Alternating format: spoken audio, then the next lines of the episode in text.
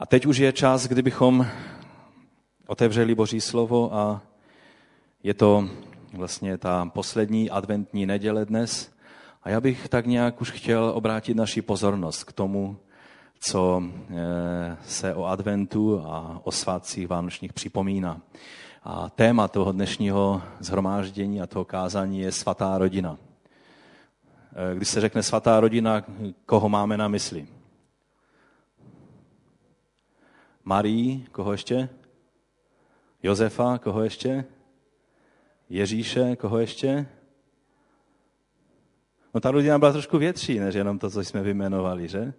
Ještě tam byl Jakub, Juda, nějaká sestra se tam našla taky, ještě další bratři.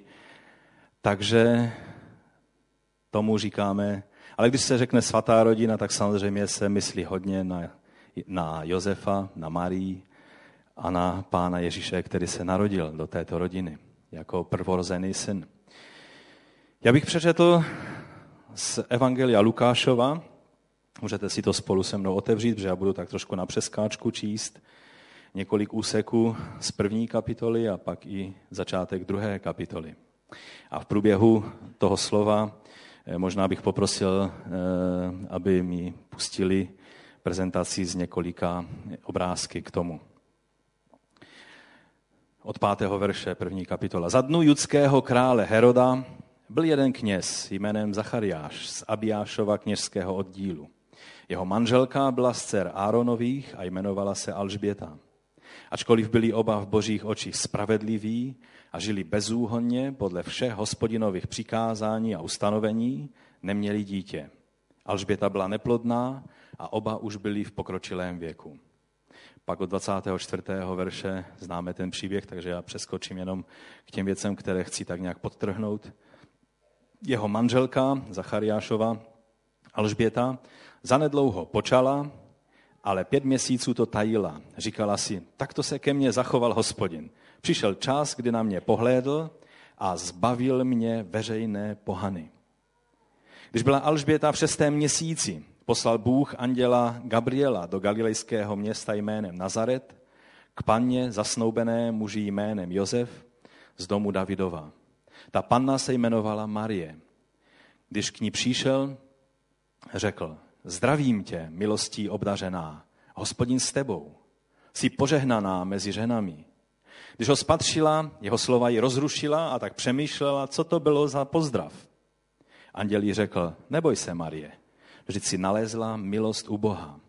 Hle, počneš v lůnu, porodíš syna a dáš mu jméno Ježíš. Pak 41. verš. Když Alběta, Al, Alžběta uslyšela Marín pozdrav, to je e, ten snímek tady z toho filmu e, Zrození, který nám to nádherně ukazuje. Pokud jste ten film ještě neviděli, tak je nejvyšší čas, abyste ho zhledli. Tady je od 41. verše takto napsáno.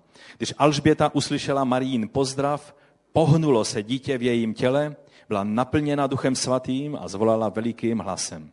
Požehnaná jsi nade všechny ženy a požehnaný plod tvého těla. Jak to, řekě mě, přichází matka mého pána?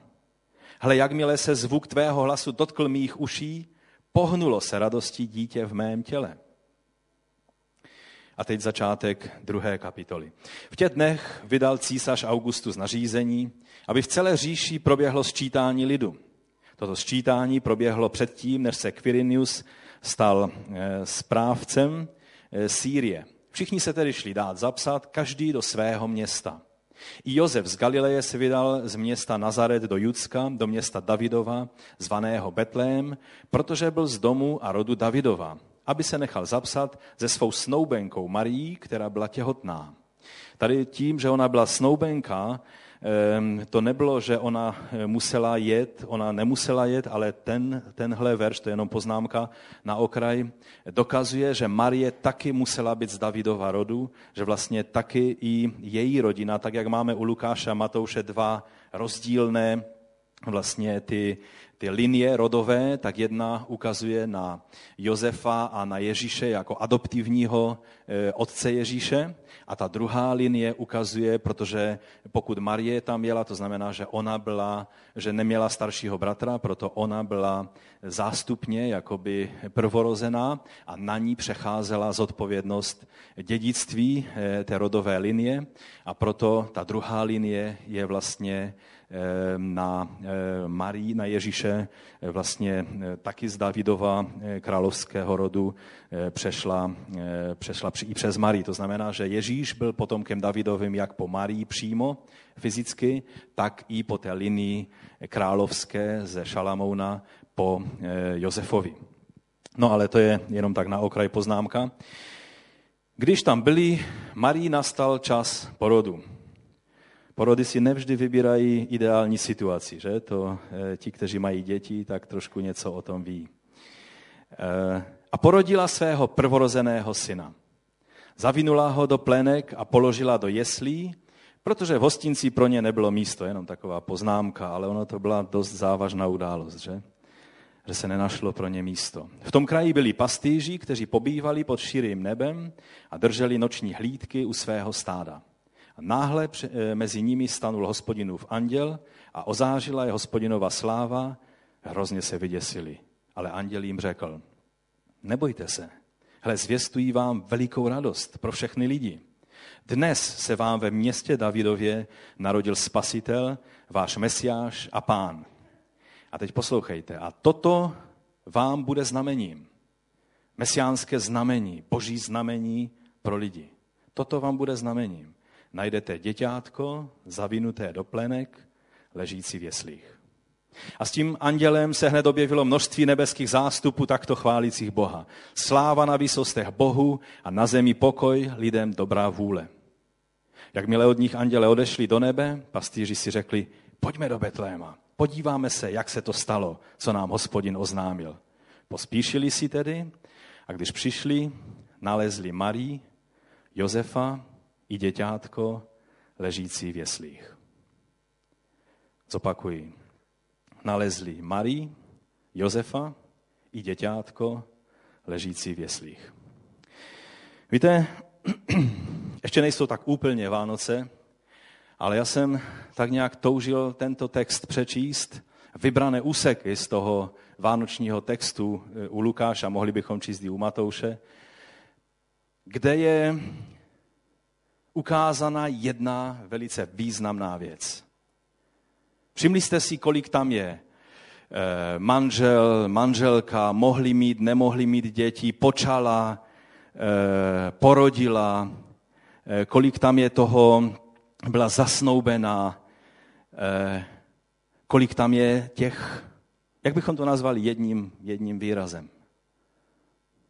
Takových rodinných záležitostí. Je to tak? Víte, nikdy jsem si neuvědomil, jak hodně boží spasitelný plán je poznamenán jednoduše faktem rodiny. Bůh používá rodinu, on ji stvořil, on je ten, kdo je autorem a, a který vymyslel tuhle věc, se kterou někdy tak trošku zápasíme, že nevím, jak se k tomu postavit. Někdy se nám zdá, že nám Bůh pěkně zkomplikoval život, pak zase jsou chvíle, kdy si říkáme, bože díky, protože nebýt rodiny, tak nevím, co je radost na tomto světě. A nikdy se mě to takhle nepropojilo, že boží spasitelný plán se byl vykonán skrze takové ty jednoduché rodinné záležitosti, zásnuby, že se, no, no to nebylo, že se chlapec zakoukal do děvčete, protože takhle to nechodilo. V tom filmu je to nádherně ukázáno, jak eh, Marii zavolali domů a na ní nevěděla proč a najednou vidí, že tam není jenom maminka a tatínek, ale najednou tam byl i nějaký člověk, kterého ona znala tak nějak, že z toho městečka, že Nazaret byl velice malinkaté městečko v té době. No a tak i rodiče oznámili, že tohle je její muž. No a od té chvíle, že rok budou odděleně, tak jak bylo v židovském zvyku, no a pak, že se přestěhuje teda k němu. A Marie tam je ukázána, jak je hodně z toho překvapená, jak si chtěla udělat v tom svou hlavu, ale pak se poddala tomu plánu. A ono tak nějak to bylo. V tom týdnu jsem dost hodně uvažoval o tom, jestli bychom se neměli vrátit k téhle metodě, protože to bylo celkem bezpečnější, než to nechat na těch dětskách, ať si vyberou sami. Ti, kteří mě slyší na internetu, tak nebudeme z toho dělat tyhle závěry. A vy, kdo mě znáte tady ve sboru, tak víte, že to asi nezavedeme tímto způsobem. Ale stejně jsem nad tím přemýšlel. Víte, jedno z nejzávažnějších rozhodnutí dělají lidé, když jsou někdy ještě v telecích létech.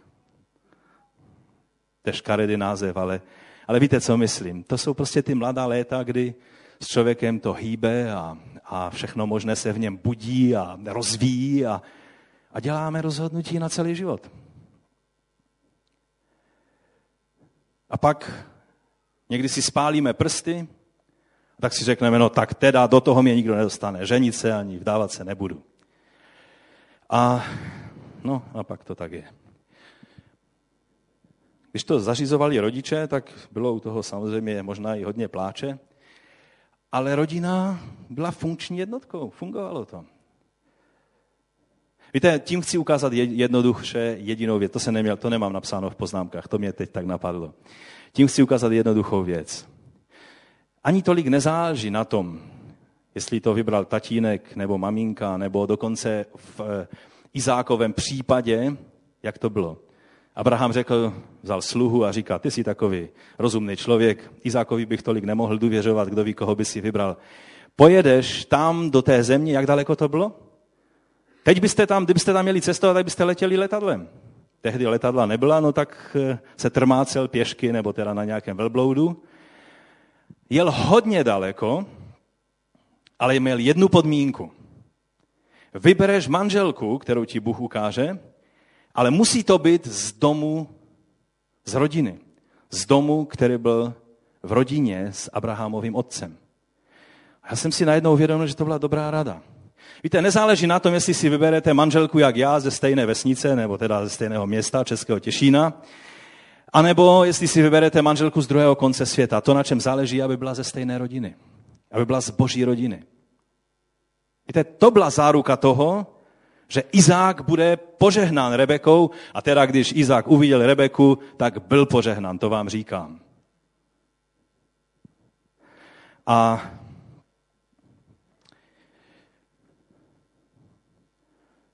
když si uvědomím, že aby Bůh mohl začít spasitelný plán, tak musel mít nějakého Abraháma, který měl manželku, a Bůh mu zaslíbil syna, skrze kterého všechna zaslíbení se naplní. Abraham to chtěl vylepšit, protože mu jeho manželka poradila, ať to vylepší a co řekne manželka, tak takoví ti muži moderní všechno vždycky sklapnou a udělají tak, že to řekla manželka, tak Abraham to taky tak udělal. A tak měl dítě z otrokyní, což tehdy bylo zcela podle zákona.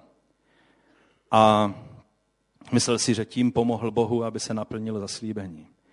Ale boží spasitelný plán se měl stát skrze Abrahama, skrze jeho manželku, ne skrze možná hezkou a mladou otrokyní, ale skrze starou, taky hezkou Sáru, která byla manželkou a neotrokyní. Sara byla prý jedna z nejhezčích žen, o které čteme v Biblii. A já vám chci zdůraznit, že Bůh potřeboval rodinu, která počítala s Bohem ve svém životě, aby jeho spasitelný plán se mohl nastartovat. A jak vidíme podle této svaté rodiny, tak aby se mohl taky i završit. A jak za chvíli uvidíme, potřebuje i tvoji a moji svatou rodinu, aby jeho spasitelný plán se mohl nést dál. Takže můj první bod dneska je, Vánoce ukazují na důležitost rodiny v božím spasitelném plánu. Když mi to kdysi někdo řekl, že Vánoce jsou svátky rodiny, tak jsem se vždycky zlobil, protože mi se, se mi zdálo, že tím se nějak vyprázdňuje to pravé poselství Vánoc. A dnes vás možná překvapím, ale Vánoce jsou skutečně o rodině. Vánoce jsou o svaté rodině Ale Vánoce jsou taky o svatosti rodiny. Vánoce jsou o svaté rodině, ale jsou taky o svatosti instituce manželství a rodiny. Amen? Když si nic jiného nezapamatujete, aspoň to si zapamatujte. Když se podíváme do toho textu, který jsme četli, tak jak v rodině Janově, u Zachariáše a Alžběty, tak v rodině Ježíšově je zdůrazněna jedna věc u těchto dvou rodin. A co to je? Co tam je zdůrazněno? Když se podíváte do toho textu, tak tam je řečeno o Zachariáši a o, e, o Alžbětě je napsáno, e, oba byli v božích očích spravedliví a žili bezúhonně podle všech hospodinových přikázání a ustanovení. Je třeba říct ještě jasněji to, že to byla rodina, která brala Boha vážně. Je třeba říct ještě něco víc k tomu, abychom si uvědomili, že to nebyla rodina, která to tak plácala, jak den přišel, ale že to byla rodina, která hledala Boží přítomnost, která hledala Boží naplnění, Boží vůle v jejich životě, kteří dodržovali to, co Bůh radí do manželství a do rodiny a kteří žili před Bohem ve svatosti. Myslím, že není třeba k tomu nic víc dodat. A Marie, když o ní čteme, to je ta jediná věc, která nás udeří do očí. Že to byla dívka, pana, která byla bezúhonná, bohabojná, pokorná, očekávající na hospodina. Obě dvě ty rodiny by v dnešní době, nejenom ve světě, ale i v křesťanských kruzích, někdy bylo dost problém najít. Jsou země jako Spojené státy americké, kdy křesťané se rozvádějí ve stejném měřítku nebo procentuálně ve stejné míře jako nekřesťané. Tyto dvě rodiny, celý ten příběh je protchnut tím, jak to byly rodiny, které, které žili pro Boha a před Bohem, ale jak měli taky ty své problémy. Nemohli mít dítě. Už byli staršího věku a nemohli mít dítě. A najednou jim Bůh zaslibuje a dává dítě. A byl z toho Jan Křtitel. A byl to muž, který připravil cestu pro pána.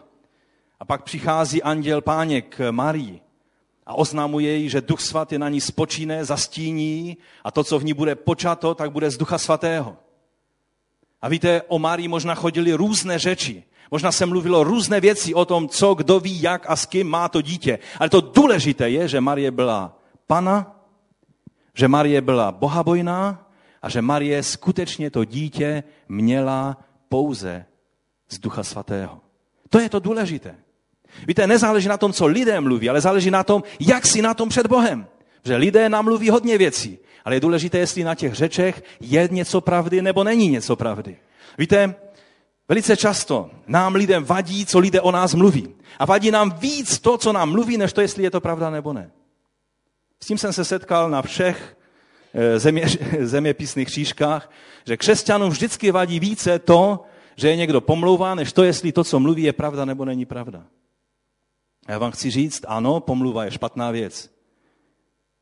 Ale záleží, jestli, jestli je něco ve mně.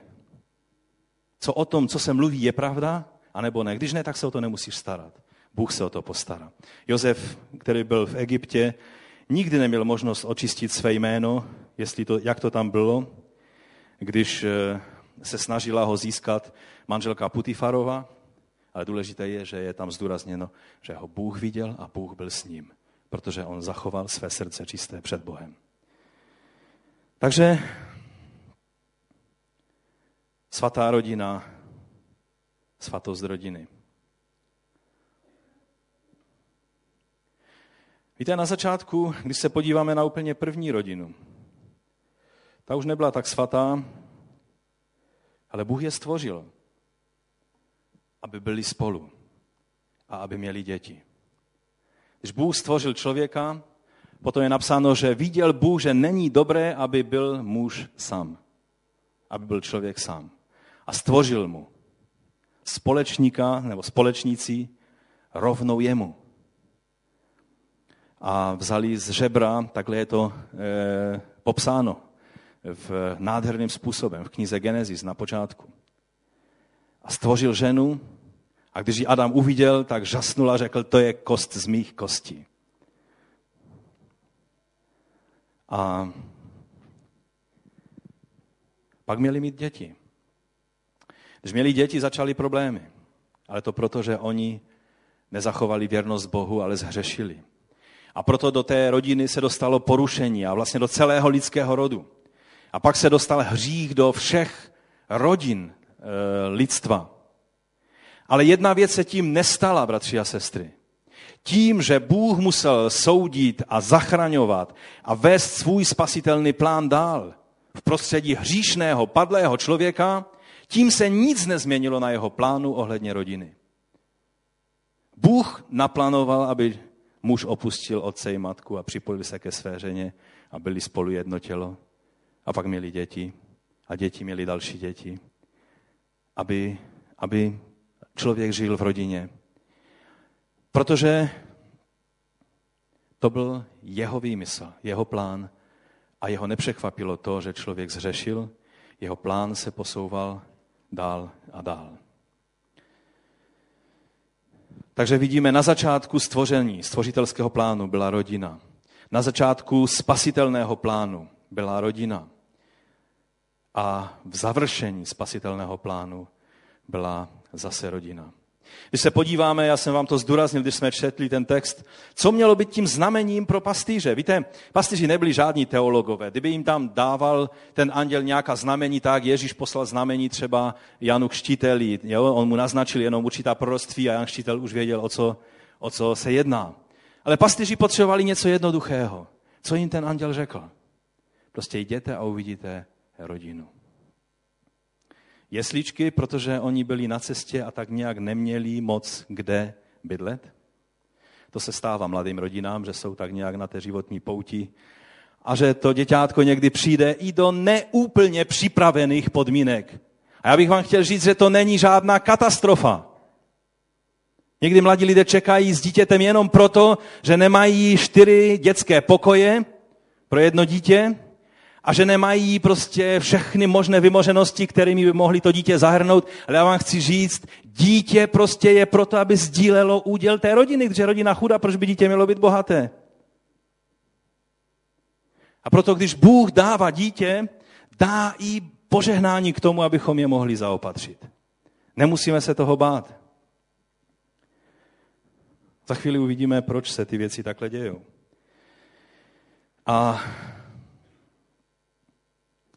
takže znamení pro pastýře, a oni věděli, co znamená stádo, co znamená požehnání, když stádečko roste a ovečky se takhle nějak rodí. Oni věděli, co to je. A nebo když stádečko neroste a zůstávají jenom staré ovce, až nakonec není nic. Oni tomu rozuměli. A proto, když viděli, že boží spasitelný plán je ukázán skrze malé děťátko, které se narodilo. To byl signál, ze kterého se velice radovali. Nebyl to jenom signál pro ně, ale já věřím, že dnes i pro nás je to signál, abychom si uvědomili, že boží spasitelný plán potřebuje prostě rodinu. Nejenom na jeho začátku, nejenom v završení, ale i v tom, abychom nesli dál boží plány. Nedávno jsem četl, že Institut plánovaného rodičovství v USA, což je takový eufemismus pro největší potratovou kliniku v eh, Americe. Eh, tři roky po sobě vydali pohlednici, kterou rozesílali jako vánoční přání všem svým zákazníkům eh, a dalším institucím. A na té sváteční pohlednici bylo napsáno místo pokoj na zemi lidem dobré vůle, tak by to mělo být napsáno, co se používá o Vánocích, tak bylo heslo volba na zemi. Každý, kdo ví, co znamená ta pro volbu hnutí, které prostě eh, bojují za to, aby žena se mohla rozhodnout, jestli teda to děťátko zabije nebo nezabije, jestli je teda ze své milosti nechá žít ten život, který v něm Bůh stvořil. Tak oni použili vánoční heslo, vánoční pozdrav, místo pokoj na zemi, tak použili volba na zemi. Co tím chtěli říct? Chtěli snad tím říct, že pro Josefa a pro Marii byla nějaká volba, jestli budou mít Ježíše nebo ne? Že pro člověka, který, který si uvědomuje, že Bůh je stvořitelem a autorem veškerého života, že je nějaká volba, jestli teda ze své pohodlné a sobecké milosti nechám to děťátko žít nebo nenechám? Ani si neuvědomili, jak nepatřičné to je zrovna v tomhle příběhu. Vždyť, kdyby Marie byla tak moderní žena, že by řekla, kdo ví, jestli to skutečně je z Ducha Svatého, aby nebyly řeči. Radši použiju možnost volby a přeruším těhotenství. Protože se neříká zabít dítě, to je, to je velice politicky nekorektní, co jsem teď řekl. Přece se nezabíjí dítě, pouze se přeruší těhotenství. Tak jako by to přerušené těhotenství šlo někdy zase pokračovat.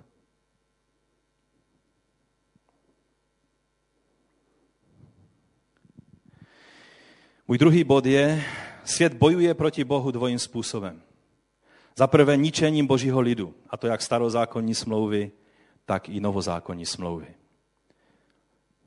Jsou dvě skupiny lidí, které tento svět nenávidí a vždy bude nenávidět a bude proti ním bojovat. A to jsou židé a to jsou křesťané. Studujte dějiny, dívejte se na politiku, čtěte o tom, nic jiného vám z toho nemůže vzejít.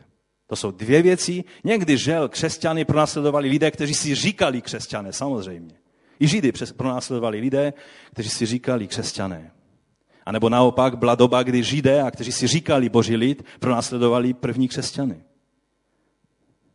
Ale ten fakt zůstane faktem od Abela, že boží království vždycky bude pod tlakem ducha tohoto světa. To je ta první věc, že duch toho světa bude vždy bojovat proti božímu lidu a za druhé bude vždy bojovat proti rodině, protože je to boží vymysl.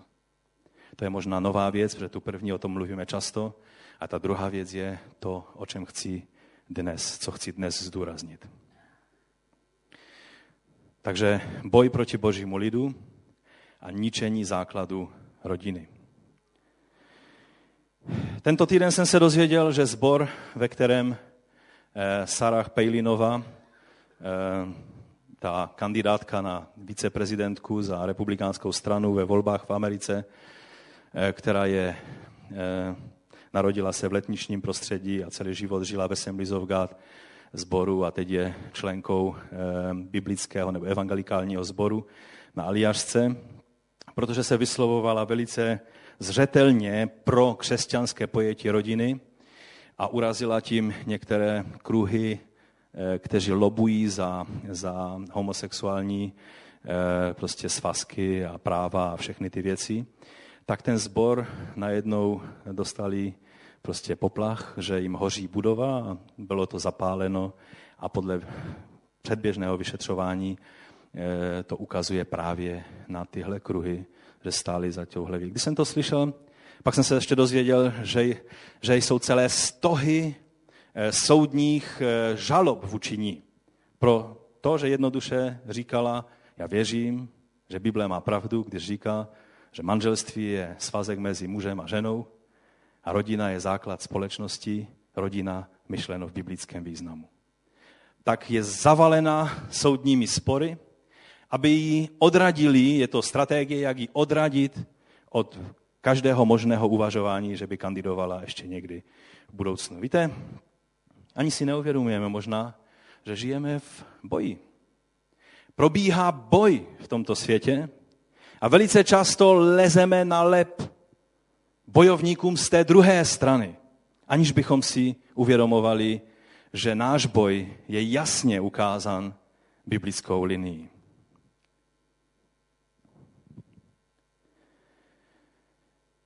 Jsme svědky revoluce, která velice úspěšně probíhá.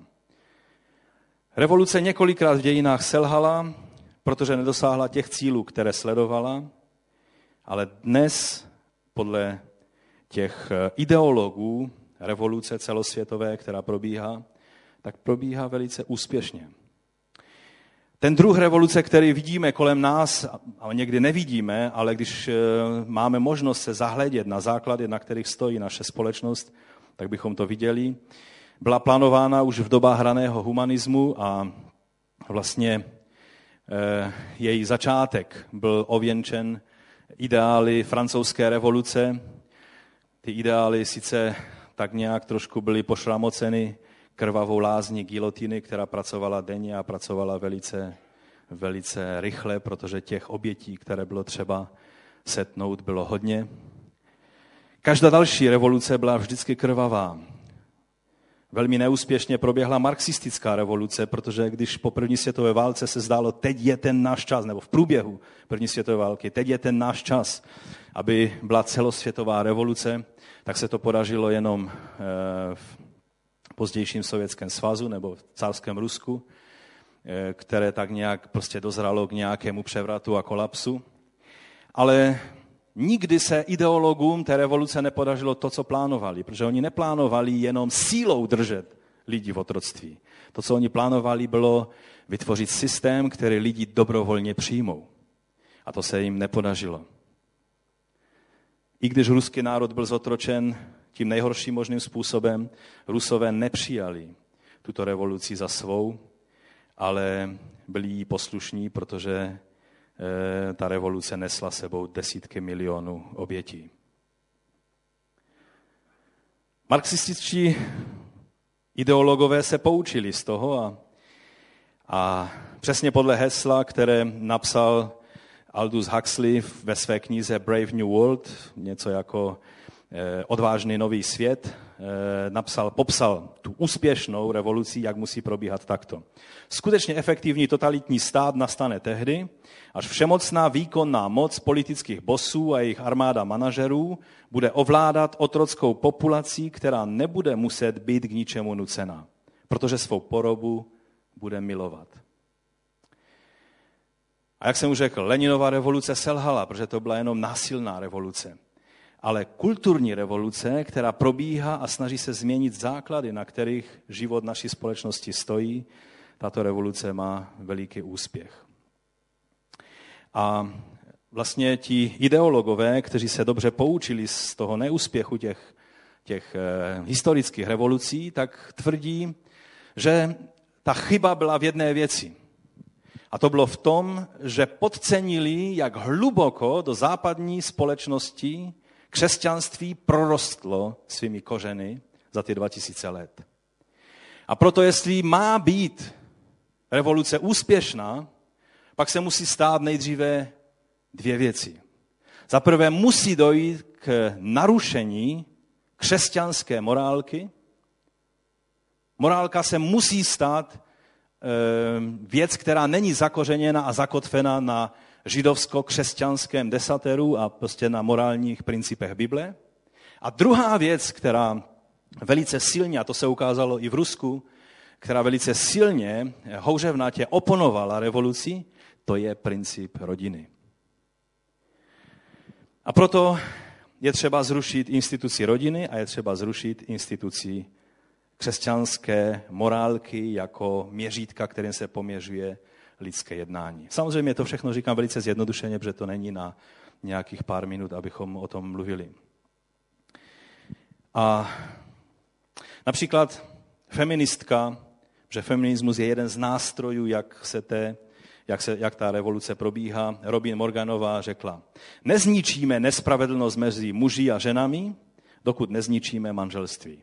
Takhle přímo to říkají.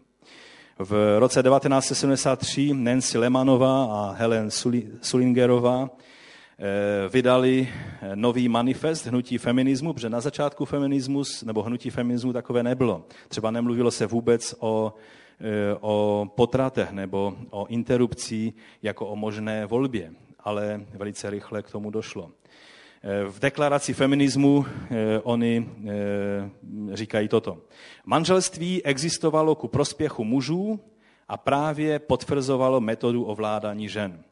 Jejich teorie totiž je, že manželství vzniklo evolucí, a to vlastně i Darwin a Marx uznávali, že vzniklo vlastně takovým postupným způsobem, že muži vždycky znasilňovali ženy a pak eh, to povyšili na, na vyšší rovinu tím, že si ženu přivlastnili, vzali ji k sobě a institucionalizovali to pojmem manželství. A tudíž manželství je poroba stejného druhu a u feministek to dávají na stejnou rovinu jako zneužívání žen a prostituce a znasilňování.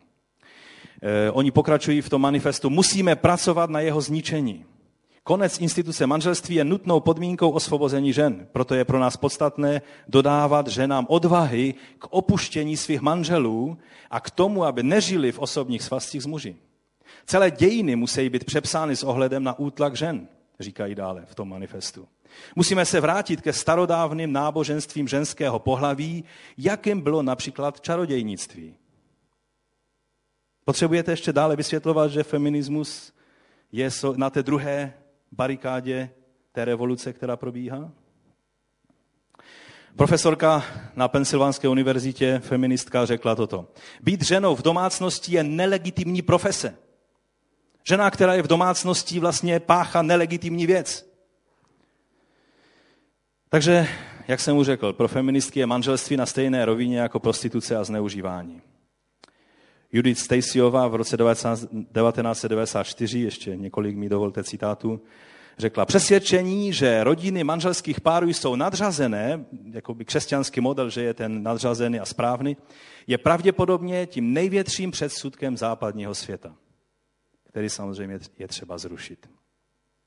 Ta revoluce probíhá velice úspěšně a třeba když se podíváme na statistické počty jenom za posledních 30 let. V roce 1970 říká statistika ve Spojených státech, kde jsou k dispozici tyhle statistiky, že ve společné domácnosti nesezdaných párů bylo 523 tisíc. Od 70. roku do roku 2002, což je nějakých jenom 32 let, to vzrostlo o xxx procent na 5,5 milionů. Takže to je jenom v, krát, v krátkosti, abychom si byli vědomi toho, že probíhá tady boj proti rodině. Bůh se rozhodnul použít jako spasitelný nástroj rodinu. A ďábel si řekl, já to převrátím na ruby. A dokážu, že Bůh se mílí. Můj třetí bod je, že odmítnutí Bohem daných základů pro rodinu má své smrtící důsledky. Prostě Bůh nevždy pošle hromy, blesky z nebe, které nás zasáhnou, ale vždy pošlapání nebo nedbání na jeho radu přinese velice neblahé důsledky a žel i smrtící důsledky. Mnozí odborníci se shodují, že Západ, když mluvíme ne o zbytku světa, ale o západní jeho části, kvůli opuštění svých křesťanských kořenů prožívá svůj konec. A bude pohlcen mnohem více života schopnou kulturou, ať islámu nebo nějakým jiným východním systémem. To nejsou nějaké hrozby, to jsou tendence, které lze už dnes velice jasně stopovat a které lze vidět a je, pokud se nestane něco velice zásadního, tak ty procesy proběhnou. Zamýšlel jsem se nad slovem, které je v Deuteronomiu ve 28. kapitole, v 62. verši, kdy jeden ze soudů, který Bůh dopouštěl na Izrael, když Izrael neposlouchal Boží radu, tak je tam napsáno, i zbude vás maličko. Ač vás bylo mnoho jako nebeských hvězd, protože jsi neposlouchal hospodina svého Boha. Hodně mě inspirovala k tomu a, a dala mi informace eh, k tomu eh, tématu kniha eh, od poradce tří prezidentů ve Spojených státech, senátora dlouholetého Patrika Buchanana, která se jmenuje Smrt západu. A musím říct, že, že je to kniha, která mluví velice zpříma o těch problémech, které jako západní společnost prožíváme. Podle Buchanana smrt západu není jenom předpovědí toho, nebo proroctvím o tom, co se může stát, ale je popisem toho, co se dnes děje. Nejde o záležitost proroctví, jak on říká, ale matematiky. Londýnský Times napsal Evropané jsou vymírající druh. Ty a já, my k tomu druhu vymírajícímu patříme.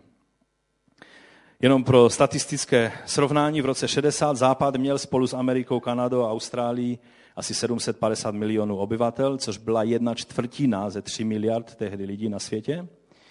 A po 40 letech, to znamená do roku 2000, kdy miliard lidí už bylo 6, ale západní člověk už tvořil jenom jednu šestinu.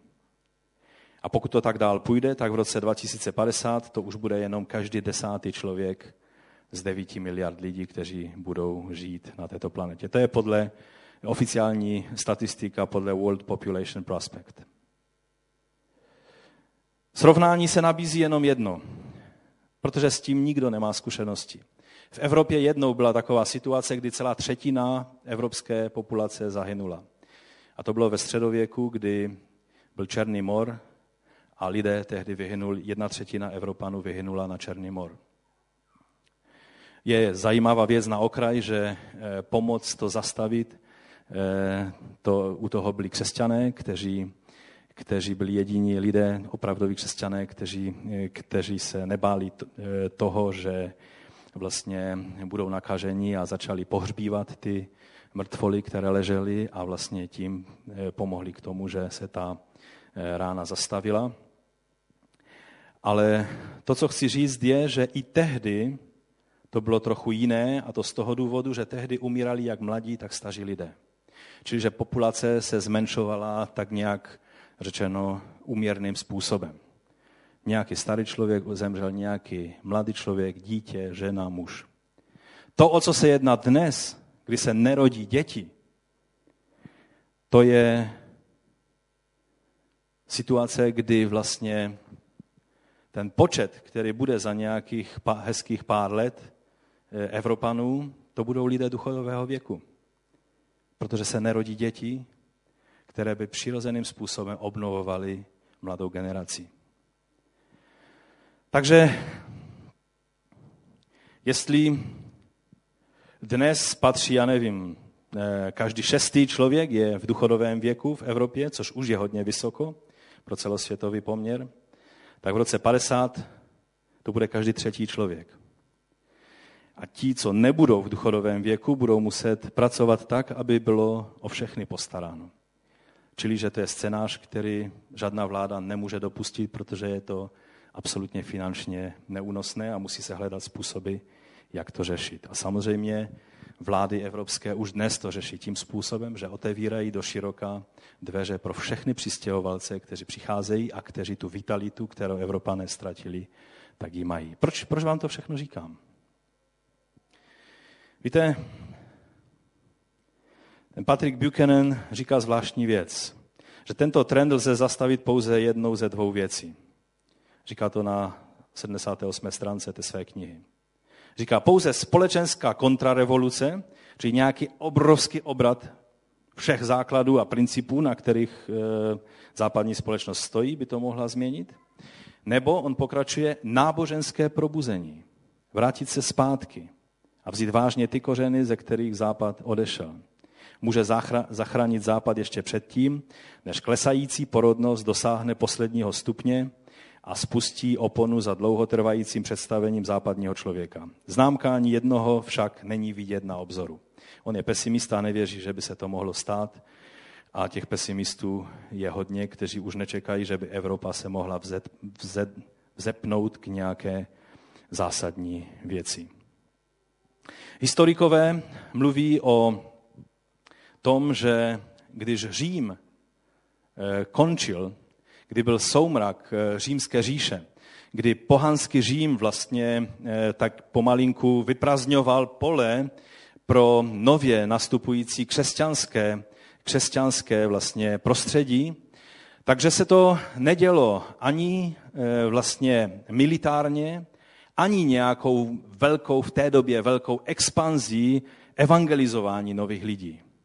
Ale jednoduše pohané si žili v velice sobeckém užívání si života, i přes to, že nebyly tehdy potraty běžné, tak měli způsob, jak se zbavit nechtěných dětí, tak jak za doby, kdy se uctíval Moloch, tak se obětovalo takzvaně děti pro Molocha, tím se zbavovali nechtěných dětí, ale v době Říma to bylo spíše tak, že je nechávali někde v chladu eh, venku a eh, v doufání, že to dítě prostě umrzne a a bude mrtvé a tak odkládali své děti, odkládali vstup do manželství, stále častější byly různé sexuální zvrhlosti, ve kterých se ponožovali a proto e, prostě na děti nebylo pomyšlení ani možnost. Stále více se to dělo mezi lidmi, kteří byli ti nejkvalitnější lidé a děti měli pouze ti, kteří neměli ani na jejich vyživení a tak dále. A postupně se věci začaly měnit ale pak se stala jedna věc. Protože křesťané vyučovali, že Bůh stvořil rodinu, Bůh dává děti jako požehnání, tak křesťané měli děti, měli rodiny a ještě navíc šli a ty odložené děti římskými pohany brali k sobě, vychovávali, kštili. No a o Římu bylo rozhodnuto. Žel dnes se zdá, že stejným způsobem na pohodlí, na váhavost, na materialismus, se zdá, že pohltilo ty, kteří si říkají křesťané, ale křesťany ve skutečnosti nejsou v celé naší západní společnosti. A já vám chci říct, že když se díváme na vánoční příběh, tak vidíme rodinu a já věřím, že vidíme výzvu pro každého jednoho z nás, abychom nepodlehli těm trendům, které v tomto světě působí že ty trendy chtějí zlikvidovat křesťanské kořeny a chtějí zlikvidovat rodinu jako základ, ve kterém se vychovávají zdravé a zodpovědné děti. A to je moje výzva na závěr. Prostě jednoduše, není to, není to žádná složitá věc. Prostě nepodléhejme trendu tohoto světa. Nebuďme nevědomky podporovateli, protože vědomě doufám, že nikdo není, podporovateli této nové revoluce. Přijměme povzbuzení z Božího slova a buďme více pečliví v našem přístupu k manželství, k rodině, k výchově dětí. Uvědomme si, že je to součást boje. Když máš zdravou rodinu, když máš děti, když ti je Bůh dá, samozřejmě ne každému Bůh dává děti. Někdy se stane, že, eh, že prostě, tak jak v Biblii to bylo velice často, že, že eh, byli bezdětní, tak eh, když Bůh dává děti, tak si uvědomme, že je to součást toho boje, který probíhá v tomto světě. Stále platí Boží slovo z doby stvoření, z Genesis, 2. kapitola 24. Proto muž opouští, otce, opouští otce i matku, aby přilnul ke své manželce, to čtu podle Nové Bible Kralické, aby přilnul ke své manželce a stali se jedním tělem. Víte, Bible ukazuje, že správná identita každé rodiny je v Bohu. Rodina není to, že vy dva jste se dali dohromady a máte rodinu. Ale rodina je, má svoji identitu a svůj kořen a své jméno a svůj původ v Bohu. Efeským 3. kapitola 14 a 15 říká, proto klekám na kolena před Otcem našeho Pána Ježíše Krista, jehož jméno nese veškerá rodina na nebi i na zemi. Známe žálm 127 eh, pro ten výrok, který tam je o synech a vlastně obecně to lze vztáhnout na děti, protože kdysi se neříkalo syny a dcery nebo děti, říkalo se prostě synové. A tady je řečeno, děti jsou dědictví od hospodina. Nová Bible kralická už to překládá tím způsobem obecnějším děti, ale správně tam je synové. Jsou dědictví od hospodina, plod lůna je přece odměna. Tak jako šípy, jež hrdina třímá, jsou děti splozené za mlada. Blaze člověku, jenž má plný toulec. Teď přemýšlíte, co ten toulec může znamenat. Cokoliv. Vaši rodinu, váš dům, prostě ten prostor, ve kterém má být tvoje rodina. A ten toulec má být plný. A já vím, že, že se zdá být nemožné mít v malém prostoru hodně dětí, ale já vám chci říct, že když jsme bydleli v bytě, který měl 60 metrů čtverečných a měli jsme tam tři děti, tak bylo veselo. Někdy ve velkém domě každý zaleze do svého kouta a není veselo. Ale když jedno dítě spí na skříni, protože takhle jsme to měli, druhé pod skříní a třetí vedle skříně, je veselo. Tehdy mě Bůh dokonce obdaroval takovou zvláštní schopnosti, že jsem se připravoval třeba na kázání, teď máme velký dům a, a Bůh mi to odňal. Teď musím čekat a všichni jdou spát dokonce ve velkém domě, protože mě všechno vyrušuje. Stačí, že někdo tam někde dýchá a mě to vyrušuje. Potřebuju klid ke studiu, ke všemu. A tehdy děti po mně lezly, někdo se tam díval na televizi, někdo jiný si pouštěl hudbu, Felicie něco na mě stále mluvila a já jsem měl pohodu a připravoval jsem se, studoval a dělal všechno, co bylo třeba. A nevadilo mi to. Proč se tolik bojíme toho, že náhodou nebudeme mít ideální podmínky pro dítě? Co znamenají vůbec ideální podmínky pro dítě? Znamenají jedinou věc. Bohabojného muže a bohabojnou ženu, kteří založí rodinu a kteří očekávají, že je to Bůh, který zaopatřuje, kteří pracují svýma rukama a svou hlavou. No a zbytek dává Bůh. Nic víc není třeba. Bez ledničky se sice nedá žít, ale bez auta se dá žít, bez domu se dá žít, když máte byt a tak různě. Ale já vám chci říct, že skutečně dnešní trend, který, který hledá, aby všechno bylo pojištěné až do posledního puntíku a teprve pak možná budeme uvažovat o dítěti a už vůbec ne o dalším dítěti, to je lezení na lep duchu tohoto světa a stavíme se na druhou stranu barikády té revoluce, která probíhá. Řekl jsem to hodně tvrdě? Já bych to řekl ještě jednou úplně stejně, protože chci, abychom to pochopili. 127. žal známe, ale víte, co si Židé zpívají na svatbě? Nebo zpívali kdysi na svatbě? Je to žálm 128, kterým žehnali nový manželský pár. Můžete se na něj podívat. Žálm 128. Je to poutní píseň. A je tady řečeno, blaze každému, kdo hospodina ctí, tomu, kdo kráčí jeho cestami. Ekumenická Bible tam má, kdo se bojí hospodina a kráčí jeho cestami. Prací svých rukou se jistě uživíš. To je zaslíbení. Teď máme krizi, možná mě vyhodí z práce. Tady je boží zaslíbení. Když bereš Boha vážně a stojíš v bázní před ním a v pokoře, prací svých rukou se jistě uživíš. Blažený budeš a úspěšný. Tvá manželka, není tady řečeno, že to bude největší kráska na světě, ale řečeno, jak réva plodící v srdci tvého domu. Už chápete, co je důležité pro Boha? Možná pro tebe je důležité, aby ti Bůh dal tu nejhezčí dívku na světě, která existuje. A možná ti Bůh chce dát tu nejlepší mámu pro tvé děti. A když mi to tam promítáš, tak oni už čtou ten, ten zbytek a neposlouchají, co komentují, ale nevadí. Pojďme dál. Tvé děti jako olivové proutky kolem tvého stolu.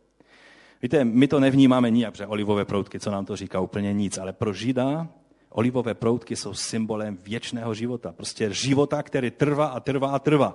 Dodnes v Izraeli jsou stromy, olivovníky, kteří Turci, protože muslimové dost často skácejí stromy. Nevím, proč to dělají, ale dělají se to na hodně místech.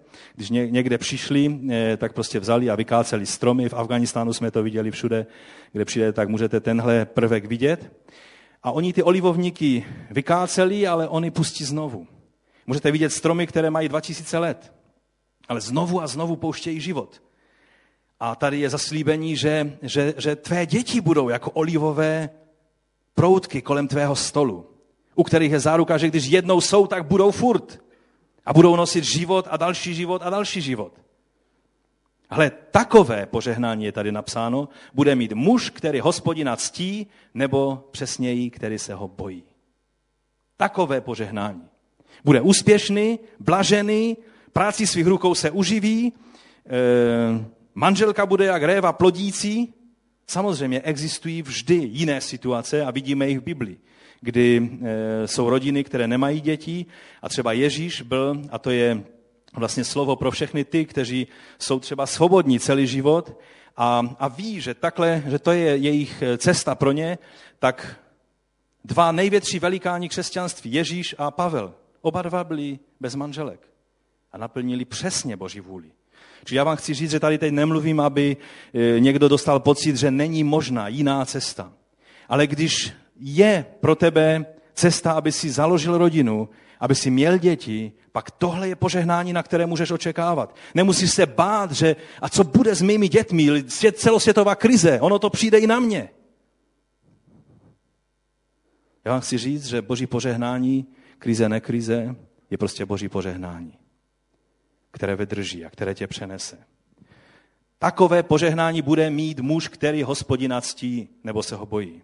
Kéšti ze Sionu žehna hospodin. To bylo to největší, co mohli Židům přát, aby ze Sionu, z chrámu, z místa, kde bylo boží jméno, spočívalo, mohl přijít, mohlo přijít požehnání. Zdar Jeruzaléma kéž uvidíš po všechny dny, kdy budeš žít. Nebo ekumenská Bible má dobro Jeruzaléma. Kež uvidíš, to je další požehnání a další, další přání, kež uvidíš děti svých dětí. Pokoj Izraeli.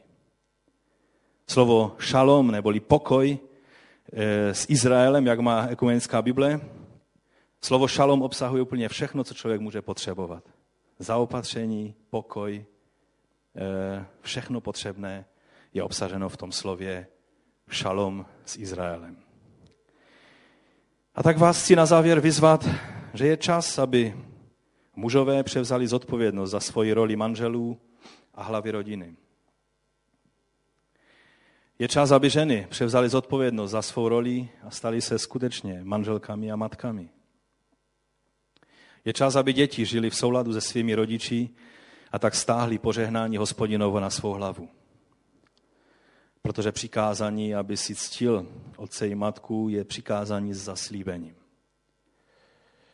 Samozřejmě, jak jsem už řekl, kdo má specifický dar k tomu, aby žil svobodný a sloužil takto Bohu, pak je to zcela v pořádku. A je to stejně tak požehnaný stav, pamatujme na Ježíše a na Pavla. Ovšem, kdo nemá tento dar, toto povolání, měl by se modlit za manžela nebo manželku. Teď to dostávám do úplně zvláštních rovin, že? Měl by se nejenom modlit, měl by udělat některé kroky víry směrem svých modliteb. Kdo je v manželství, měl by se modlit a také dělat kroky víry směrem k tomu, aby měl děti.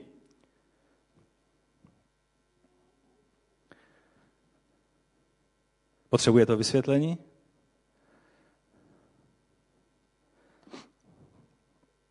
Když se jenom modlíme, ale na základě našeho, naší modlitby, když přicházíme k Bohu, neděláme konkrétní kroky víry, Bůh vždycky odpovídá pouze na víru, na nic jiného. Kdo má jedno dítě, měl by mít druhé. Kdo má druhé, měl by mít třetí.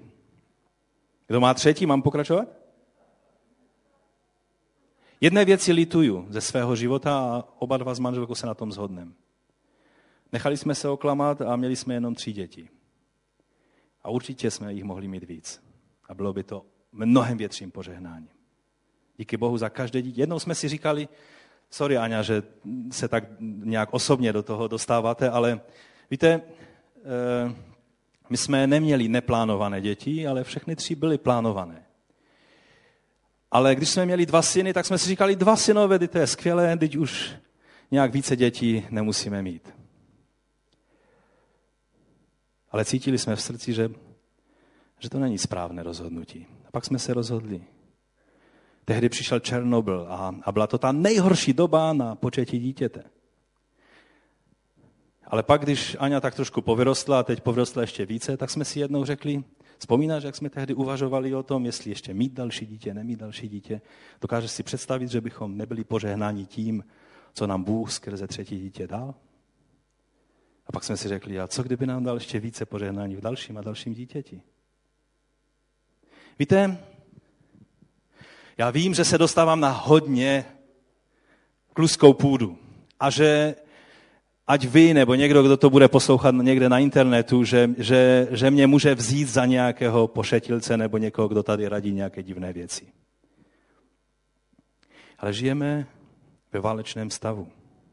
A válka je namířena proti božímu lidu a proti rodině, kterou Bůh ustanovil.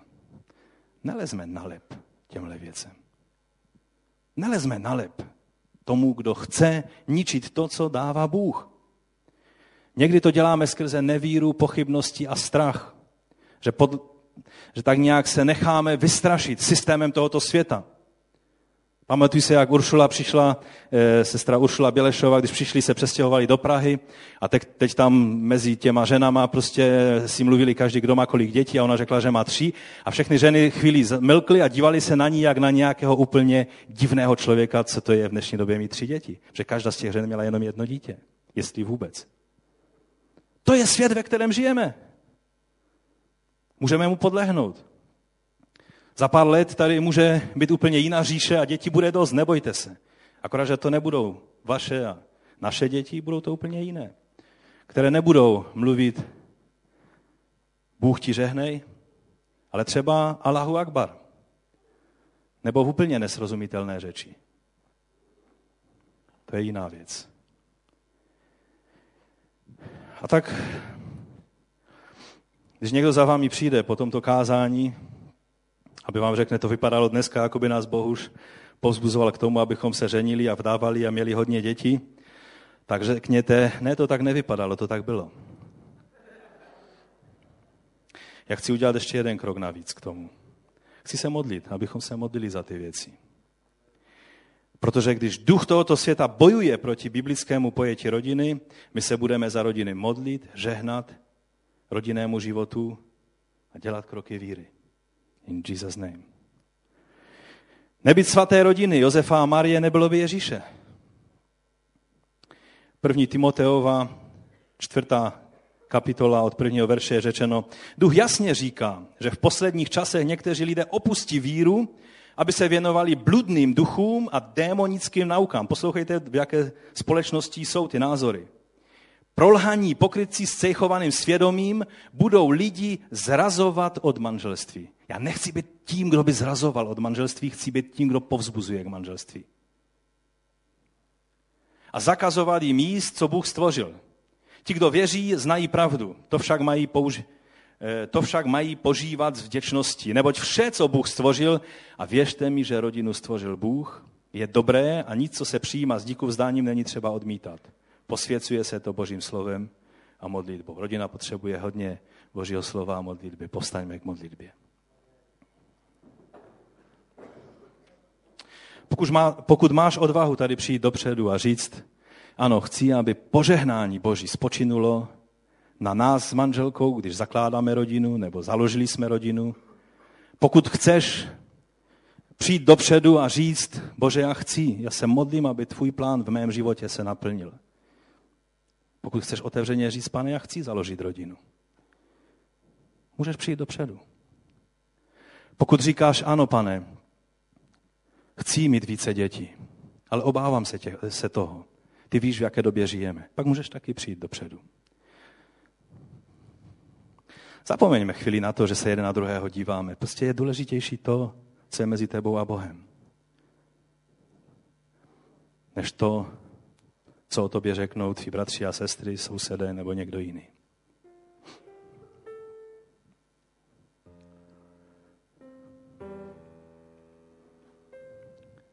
Rodina je boží výmysl. Pokud toužíš potom, aby tvoje rodina naplnila boží záměr, aby se stala tím, co Bůh chce dát. I když to znamená třeba více dětí.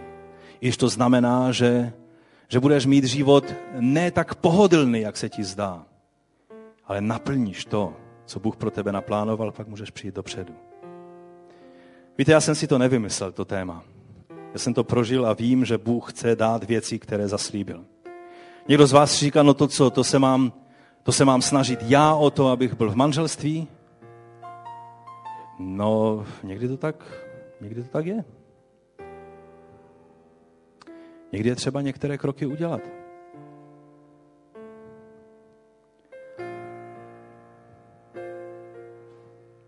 Pojďme se modlit. Ještě je čas tady přijít dopředu, můžete přijít. Možná se stalo, že se ďáblu podařilo rozbít to, co ti Bůh dal. Tvoje manželství, tvoji rodinu. A říkáš, Bože, nerozumím a nevím, jak by se to mohlo stát, ale já chci naplnit tvoji vůli ve svém životě i ohledně manželství. ohledně rodiny. Můžeš taky přijít dopředu. Možná už léta se modlíte za dítě a nemáte dítě. Zachariáš a Alžběta je dobrým příkladem toho, že někdy po dlouhém čekání Bůh dává požehnání, které nejsme schopni ani pochopit. Jan Štítel je napsáno, že byl největší z těch, kteří se narodili z ženy. Podle starozákonního systému. Byl to obrovský boží prorok. Izák se narodil taky ve vyšším věku. A já vím všechny ty lékařské aspekty toho, do toho já nechci vstupovat. Ale já vám chci říct, že když Bůh dá, nemusíš se toho bát. V Izákovi bylo požehnání. Požehnání pro všechny národy. To, co Bůh slíbil Abrahamovi, stalo se skrze Izáka. A narodil se jim v době, kdy většina z nás, musím vás zklamat, ale už asi budeme tak nějak u pána. A oni teprve měli dítě. Pane, my ti děkujeme za to, že to, kdo vymyslel manželství a rodinu, si byl ty. A tak to říkám, pane, s plným vědomím, co to znamená. Odmítáme, pane, ducha tohoto světa ve jménu Ježíše Krista, který způsobuje, že mladí lidé víc a víc a víc váhají s tím, jestli založit nebo nezaložit rodinu. Že víc a víc dokonce do zborů a křesťanských kruhů se dostává duch tohoto světa, který nejenom, že brání lidem vstupovat do manželství a zakládat rodiny a mít děti, ale dokonce rozbíjí to, co už bylo založeno. A já tě nyní prosím, pane, o ochranu pro každé manželství, které tady je, pro každou rodinu, která tady je. Pane, a koho, koho ďábel oloupil o jeho rodinu, o jeho manželku, manžela. Já tě nyní prosím, pane, ty sám dej to, co jedině ty můžeš dát. Buď zacelení, obnovu, nebo to, co jedině ty můžeš dát. My ti děkujeme, pane, za tvoji milost, že ty odpouštíš hříchy těch, kteří je vyznávají. Ty dáváš obnovu. Ty dáváš novou sílu, novou naději, novou odvahu vstoupit do vztahu. I tam, kde bylo zranění a, rozbití vztahu.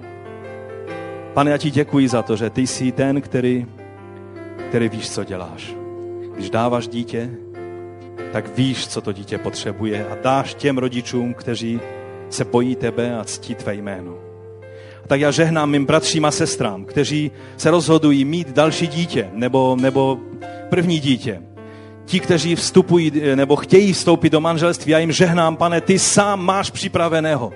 Rebeku pro Izáky, Izáky pro Rebeky. Ty jsi ten, který dáváš to, co jedině ty můžeš dát. Pane, já tě prosím za mládež tohoto sboru i všech, vše, všechny ostatní křesťany tohoto města. Pane, dej, ať si najdou e, podle tvé vůle e, svého životního partnera kdekoliv, ale ať je to z té boží rodiny.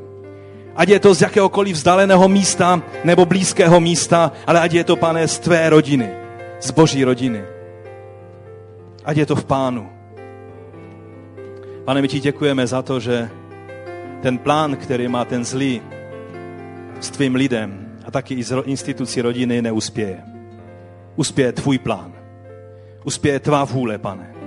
A my to vyznáváme a děkujeme ti za to a chválíme tvé jméno ve jménu Ježíše Krista. Amen. Buďte požehnání hospodinovým požehnáním. A dovolte, že na vás přečtu ten 128. žálm. Chcete? Toužíte po těch požehnáních, které jsou v tom žálmu? Můžete vstáhnout svoji ruku a přijmout to. Ať na vás spočine to požehnání. Blaze každému, kdo hospodina ctí, tomu, kdo kráčí jeho cestami prací svých rukou se jistě uživíš, blažený budeš a úspěšný. Tvá manželka nebo manžel jako réva plodící v srdci tvého domu, tvé děti jako olivové proutky kolem tvého stolu, hle, takové požehnání bude mít muž nebo žena, který hospodina ctí nebo se bojí hospodina. Kež ti ze Sionu žehná hospodin, zdar Jeruzaléma, kež uvidíš po všechny dny, kdy budeš žít. Kež uvidíš i děti děti svých. Pokoj, šalom v Izraeli. Ve jménu Ježíše Krista. Amen. Ať vás pán požehná, můžeme jít do svých domů, ať vám pán požehná celé svátky. Uvidíme se tady o prvním svátku vánočním A když si řeknete v rodině, že, sva, že Vánoce jsou taky i svátky rodiny a o rodině, o svaté rodině a o svatosti rodiny, pak vězte, že je to pravda. Pán vám žehnej.